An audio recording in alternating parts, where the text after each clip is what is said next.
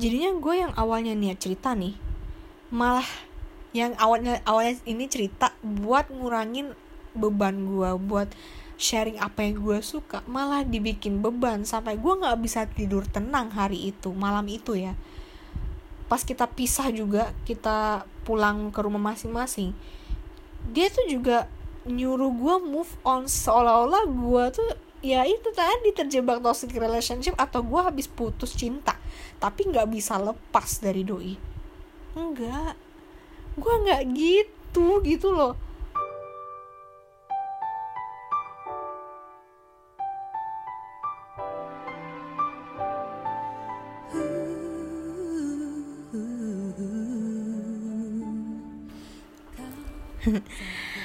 Ini openingnya agak beda ya milo-milo manja gitu. Oke. Okay. jadi sebelum gue cerita gue mau minta maaf kalau mungkin suara gue agak beda. Bukan karena gue sakit atau gimana. Karena gue ngerekamnya sambil tiduran. Sumpah ya perut aku tuh sakit banget hari ini pas gue tag um, podcast ini episode ini bukan karena gue mencret atau gimana bukan karena gue diare atau gimana karena gue lagi period jadi nyerinya tuh anjay banget. Jadi sebelum kita masuk ke season 2 cie katanya podcast mau masuk season 2 karena udah nggak terasa udah satu tahun aku buat podcast. Jadi gue mau cerita nih ke kalian. Di episode 4 kan kalau lo udah pada denger ya gue di situ cerita mengenai curhat yang awalnya pengen ngungkapin apa yang dirasain tapi justru malah nambah beban eh, nambah beban ya. Untuk episode kali ini hampir nggak jauh beda karena gue ngalamin lagi di mana gue mengungkapkan apa yang gue rasain tapi bener-bener kayak dibanting gitu loh. Jadi ceritanya gini. Gue mengenal diri gue tuh adalah orang yang suka cerita. Pasti gue punya podcast gue buat cerita di setiap episodenya. Kalau dulu nih apa aja gue ceritain? Dari cerita senengnya sampai patah hati itu gue cerita sama orang terdekat tanpa tahu. Apakah orang yang dengerin gue tuh masih mau denger cerita gue atau udah muak banget? Atau mungkin punya problem lain yang gue nggak tahu. Sampai akhirnya di titik di mana mereka udah ngasih gue tanda-tanda muak dengerin cerita gue ya udah gue ngubah mindset gue untuk berhenti cerita sembarang. Gue akan cerita kalau gue mau cerita atau dirasa penting atau mungkin perlu diceritain. Tergantung mereka mau dengerin atau sekedar pengen tahu aja. Tanda-tanda mereka nggak mau dengerin cerita gue sih nggak belak-belakan kayak gue bosen dengerin cerita lo mending lo diem gitu. Enggak nggak kayak gitu tapi dari chat gue yang gak pernah direspon atau malah direspon yang sabar ya ndah itu kayak anjing banget gak sih?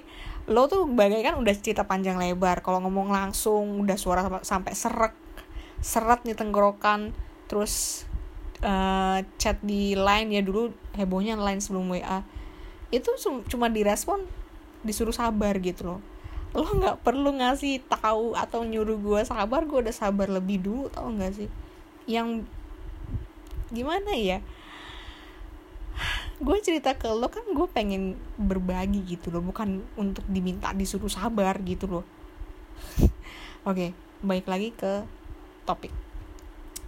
Nah ini kan gue punya rekan ya di mana gue kenal beliau ini karena kita sama uh, dulu sama-sama relawan.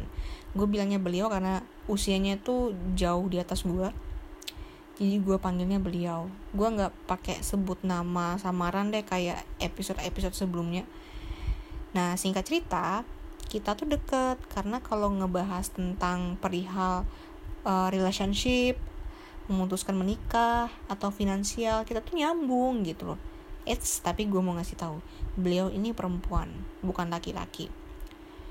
Nyambung gitu dan akhirnya gue deket sama dia karena tertarik bahas uh, soal tadi itu lebih lanjut entah itu via chat WhatsApp atau meetup.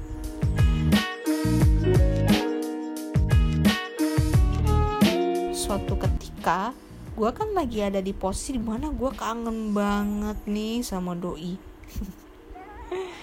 jadi ya walaupun gue masih tetap produktif bekerja ya tapi ya di tengah-tengah pekerjaan gue ya gue ada melo-melonya. Gue melo-melonya tuh bukan nangis-nangis tiba-tiba nangis depan komputer tuh enggak. Gue dengerin lagu galau gitu ngadepin komputer gitu ya ada suasana melonya aja gitu.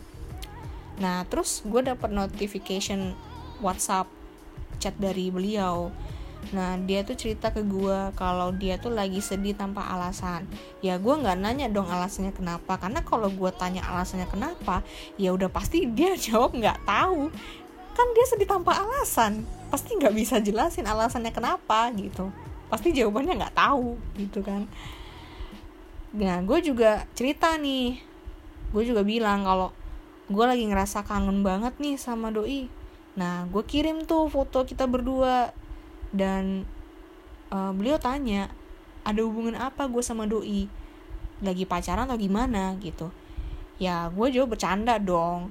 Udah pacaran tapi di alam mimpi gitu. Terus beliau bilang oh bisa loh kamu tuh jadian sama dia. Minta sungguh-sungguh aja sama Allah. Oh ya udah dong gue seneng direspon kayak gitu. Karena gue juga ya gue juga minta sama Allah lah. Gue udah lebih dulu tanpa disuruh pun gue udah lebih dulu minta sama yang maha kuasa sama sang pencipta gitu loh. Nah dari situ gue menyimpulkan secara mentah banget bahwa beliau ini bisa gue ajak cerita apa yang gue suka gitu. Itu kesimpulan mentah banget sih. Nah singkat cerita lagi nih kita meet up. Setelah kita cerita-cerita di WhatsApp itu kita uh, ketemu buat meet up gue ceritain deh di situ apa yang gue suka secara berbinar-binar senang karena akhirnya ada yang mau dengerin segembreng cerita gue yang di mana gue mungkin udah cerita ke teman kepercayaan gue ya. Tapi gue butuh nih kayaknya didengerin sama yang lebih tua dari usia gue saat ini. Bisa dibilang senior lah ya gitu. Saat itu posisi gue cuma pengen didengerin. Nah gue tekenin ya cuma pengen didengerin haram untuk dikasih saran. Emang gue setiap cerita gitu ya gue ini sih lebih banyak dan gue bisa mikir sekitar 80% gue kalau cerita tuh pasti pengen didengerin aja. Sisanya dikasih saran. Kalau gue lagi bener-bener buntu dan butuh solusi gitu. Nah yang tadi tuh karena gue pengen berbagi cerita aja gitu. Nggak lagi pengen dikasih saran gue cuma mau didengerin. Tahu nggak? Beberapa menit setelah gue cerita dan sebegitu antusiasnya beliau dengerin cerita gue gue nangis. Kenapa?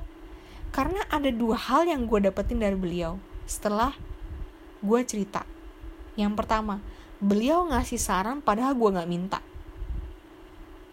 Beliau ngasih saran buat gue untuk berpikir realistis dan berhenti buat suka apa yang gue suka termasuk soal doi. Hah? Bercanda nih gue mikirnya tuh bercanda nih orang gitu. Awalnya beliau dukung gue di chat WhatsApp itu.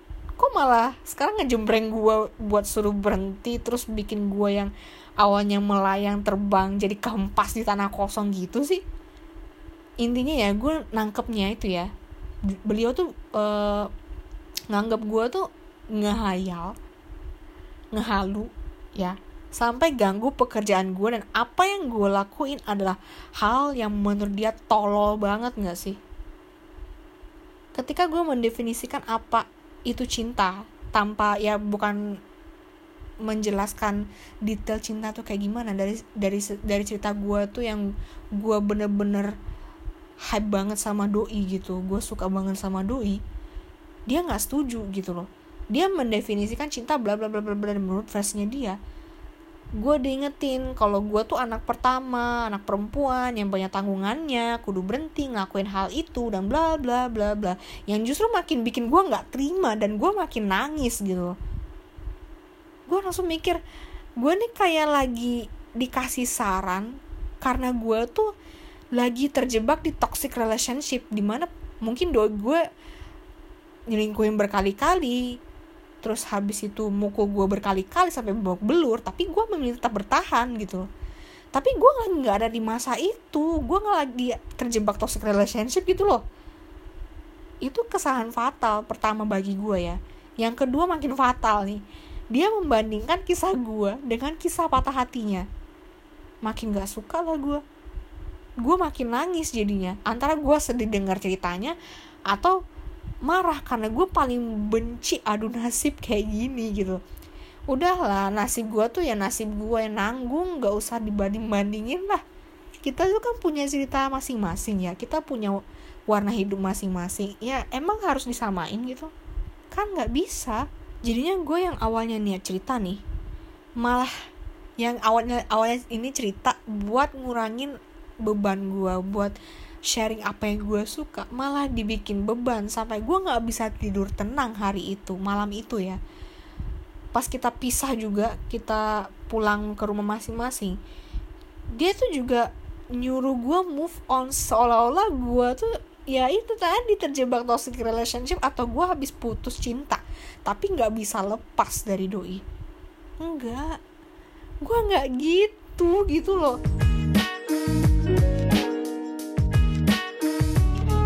kalau lo tanya apakah gue setelah itu masih berkomunikasi dengan beliau? Jawabannya iya. H plus satu kejadian gue masih berkomunikasi dengan beliau dan itu adalah komunikasi gue terakhir sebelum akhirnya gue memutuskan untuk enggak lagi berkomunikasi dengan beliau. Enggak gue nggak blok wa nya gue diamin aja. Kalau chat uh, beliau masuk ke wa juga gue diemin kalau beliau telepon juga gue diemin gue diemin aja nggak blok wa nya gitu. Bayangin aja ya yang awalnya kalau lo tuh lo tuh kayak punya orang kepercayaan ya.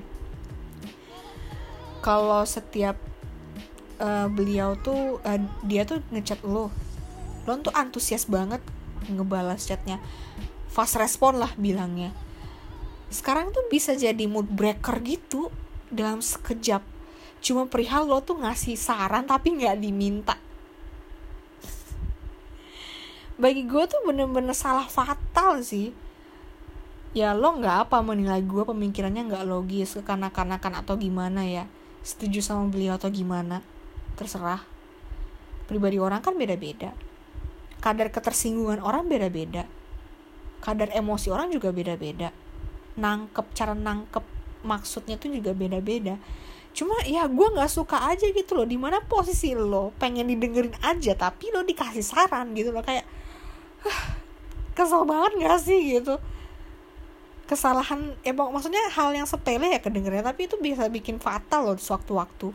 Karena mungkin ada beberapa orang yang anggap itu bercandaan atau yang mungkin apa namanya anggap itu angin lalu. Tapi gue sebagai pribadi uh, yang gue kenal saat ini gue masih mengenal diri gue sendiri gue tuh memang orangnya cuek tapi kalau ada satu hal yang bikin gue sakit hati atau bikin gue kaget gitu sedih marah kesal itu tuh kepikiran itu ya nggak sehari dua hari bisa aja seminggu gitu loh.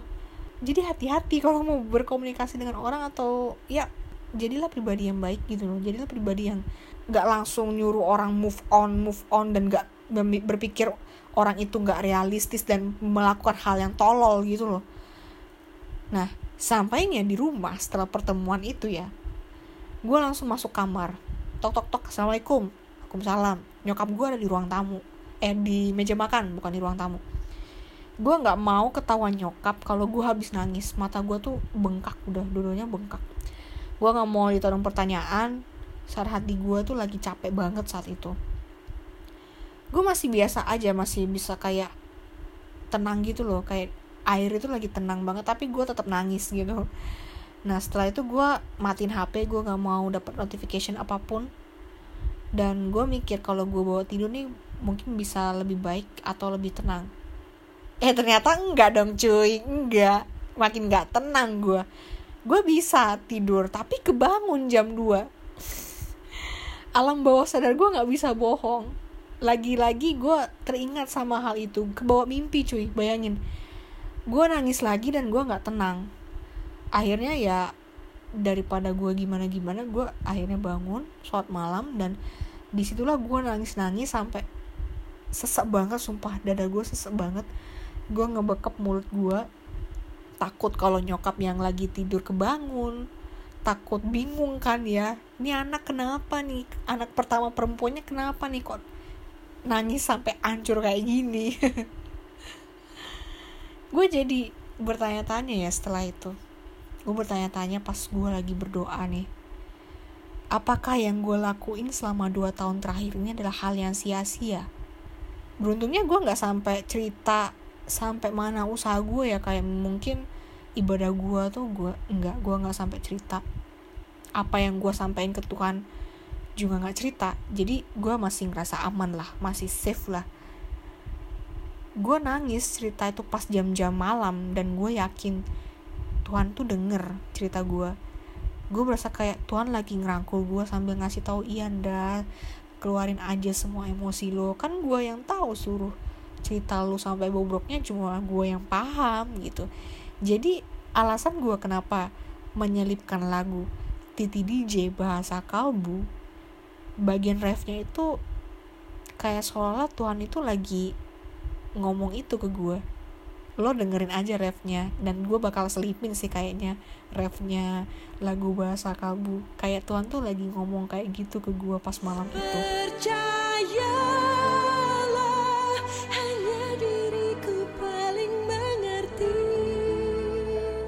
Gue keluarin semuanya sampai akhirnya gue memutusin untuk tidur lagi buat nyambut subuh karena masih jauh cuy. Gue dari jam 2 sampai jam 3 tuh nangis.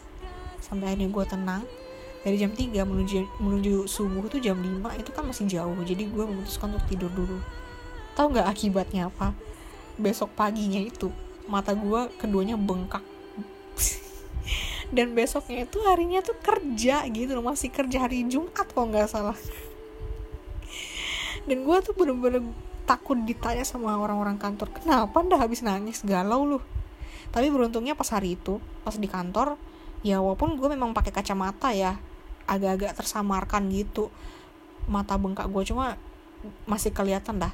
Tapi beruntungnya orang-orang kantor nggak tanya soal itu nggak nggak tanya soal mata gue bengkak karena apa gue bersyukurnya di situ sih. Dan menurut gue ya konteks definisi cinta itu luas banget. Lu pun pasti punya lah ya. Lu yang denger nih pasti punya lah definisi cinta sendiri. Cukup lu simpen aja itu sendiri. Dan itu pun kalau lo pengen ngerasa aman. Makanya gue nggak cerita atau nggak bilang definisi cinta menurut gue ke beliau. Biar gue tetap ngerasa aman. Nah kata-kata beliau yang masih gue ingat sampai detik ini sampai gue ngetek podcast ini adalah dah cintamu tuh nggak masuk akal. Aduh sakit banget sumpah. Walaupun dia ngomongnya tuh nggak keras gitu loh. Tapi tuh nusuk banget sumpah. Cinta gue nggak dibilang nggak masuk akal. Ada nggak sih cinta yang masuk akal gitu loh? Pasti sebagian besar tuh cinta nggak masuk akal gitu loh. Terus dia lanjut kamu saya ibaratkan sedang bergantung di tali yang rapuh dan sewaktu-waktu bakal jatuh. Yang terakhir itu gue mikir ada benernya juga gue lagi kayak di masa kayak bergantung pada sebuah tali. Gue manjat tali ini buat sampai ke tujuan gue tapi tali ini rawan banget buat putus karena dia udah rapuh atau usianya udah uzur gitu ya. Tapi di sisi lain gue udah mikir resikonya apa. Ya namanya juga kalau lo di masa lagi suka sama seseorang mau lo sampai jadiin atau kagak ya mau sampai lo gimana gimana pasti ada resikonya gitu loh. Emang yang udah pasti hubungannya itu talinya udah kokoh. Ya nggak mungkin ya bukan nggak mungkin. Ya belum tentu lah bisa aja sewaktu-waktu jatuh gitu loh. Yang paling bikin gue miris adalah beliau menganggap apa yang gue lakuin adalah hal yang gak realistis. Namanya selama ini gue gak berusaha untuk realistis gitu loh. Bagi gue ya Kalau masuk ke tahap gak realistis itu semacam gue tuh ngintilin doi gue 24 jam nonstop Sampai pekerjaan gue terbengkalai Berujung pemecatan. Aduh amit-amit sumpah. Gue leha-leha ngabain keluarga gue Luntang-lantung sana sini Tapi ngarepin doi datang jemput gua ke rumah dengan kereta kudanya. Itu baru nggak realistis menurut gue ya kayak gitu. Dan gue akui doi itu sampai uh, sampai detik ini ya itu mood booster gue banget baik-baik aja gue sampai saat ini walaupun pernah patah hati gara-gara di gara-gara dia. Masih waras nih gue masih kerja masih kerja lancar ada pemikiran buat masa depan invest waktu buat belajar dan keuangan juga gue berusaha atur kok. Yang gak realistis tuh yang kayak gimana sih maksudnya dia tuh? Masalah doi bakal punya gue atau kagak? Ya jawabannya kan Tuhan yang tahu. Yang penting gue tetap berdoa jangan berhenti ibadah usaha sambil ngembangin diri. Gue mikir gini ya sebelum lo ngasih tahu ngasih saran tentang cinta ya lo benerin dulu cintanya lo gitu. Kalau gue dengerin up kisah patah hatinya ya cerita cinta tuh cerita cintanya dia tuh juga lo kudu perbaiki gitu loh kalau udah denger dari cerita cintanya beliau gitu yang tadi gue bilang kisah gue dibanding-bandingin sama kisah patah hatinya mending lo perbaiki kisah cintanya lo dulu deh sebelum lo menyuruh untuk orang memperbaiki kisah cintanya orang itu. Lo tau nggak yang bikin gue ilfeel tuh apa? Setelah gue nggak ngerespon lagi chatnya beliau dia ngingetin gue lewat WA untuk selalu ingat Allah yang maha pengasih dan maha penyayang gue tahu itu maksudnya baik tapi gue nangkepnya kayak gini. Soalnya gue ngelakuin hal yang udah dua tahun gue lakuin itu bikin gue lupa sama Tuhan bikin gue jauh sama Tuhan gitu loh. Enggak. Gini loh gue pengen ngomong kayak gini. Sebelum anda memberitahu kalau saya kudu rajin ibadah dan mengingat bahwa Allah maha pengasih dan maha penyayang dan segala sifat maha baiknya gue udah ngelakuin hal itu lebih dulu.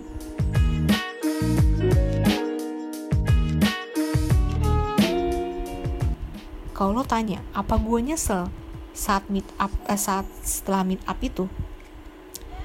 Antara nyesel sama enggak sih. Nah kenapa? Nyeselnya gue udah luangin waktu sama orang yang salah. Dan mental gue langsung down satu minggu. Tapi nggak nyeselnya seenggaknya ini pelajaran yang bisa gue ambil kalau gue harus belajar lagi. Untuk nggak sembarang curhat sama orang. Meski orang itu bener-bener sefrekuensi sama gue gue tetap harus punya batas diri yang di mana batas diri itu cuma gue dan Tuhan yang tahu. Dan gue jadi tahu dan bisa memilah-milah lagi inner circle gue gue juga berharap alam bawah sadar gue bakal ingetin gue kayak gini Dah, dah, dah. Stop. Lo udah cerita lewat batas nih. Berhenti deh. Jadi, setiap kesalahan atau pengalaman apa pun itu, pasti ada pelajaran yang bisa gue ambil. Dan gue juga masih belajar untuk memilah mana orang yang bisa jadi pendengar yang baik, mana yang cuma pengen tahu. Karena kenyataan pahitnya, setiap orang yang mampir ke kehidupan kita itu ada kemungkinan bertamu atau menetap. Bisa pergi sebentar atau pergi selamanya. Bisa jadi kita yang memilih meninggalkan lebih dulu atau ditinggalkan lebih dulu. Karena kita pasti akan mendapatkan luka-luka yang di mana luka tersebut bakal membentuk pemikiran kita di hidup kita yang masih berlanjut ini. Sepertinya untuk episode kali ini aku cukupkan sampai di sini. Makasih semuanya yang udah dengerin episode ini dari awal sampai akhir bagi kalian yang mau ngasih saran enaknya next episode kita bahas apa atau mungkin punya cerita yang menarik bisa main ke Instagram pribadi aku at indahyadayati atau at katanya podcast atau bisa juga lewat email di katanya podcast 2 at gmail.com jangan lupa follow Instagramnya dengarkan setiap episodenya subscribe channel YouTube-nya dan aktifkan notifikasinya biar kalian nggak ketinggalan episode katanya podcast. Aku pamit undur diri terima kasih dan selamat beristirahat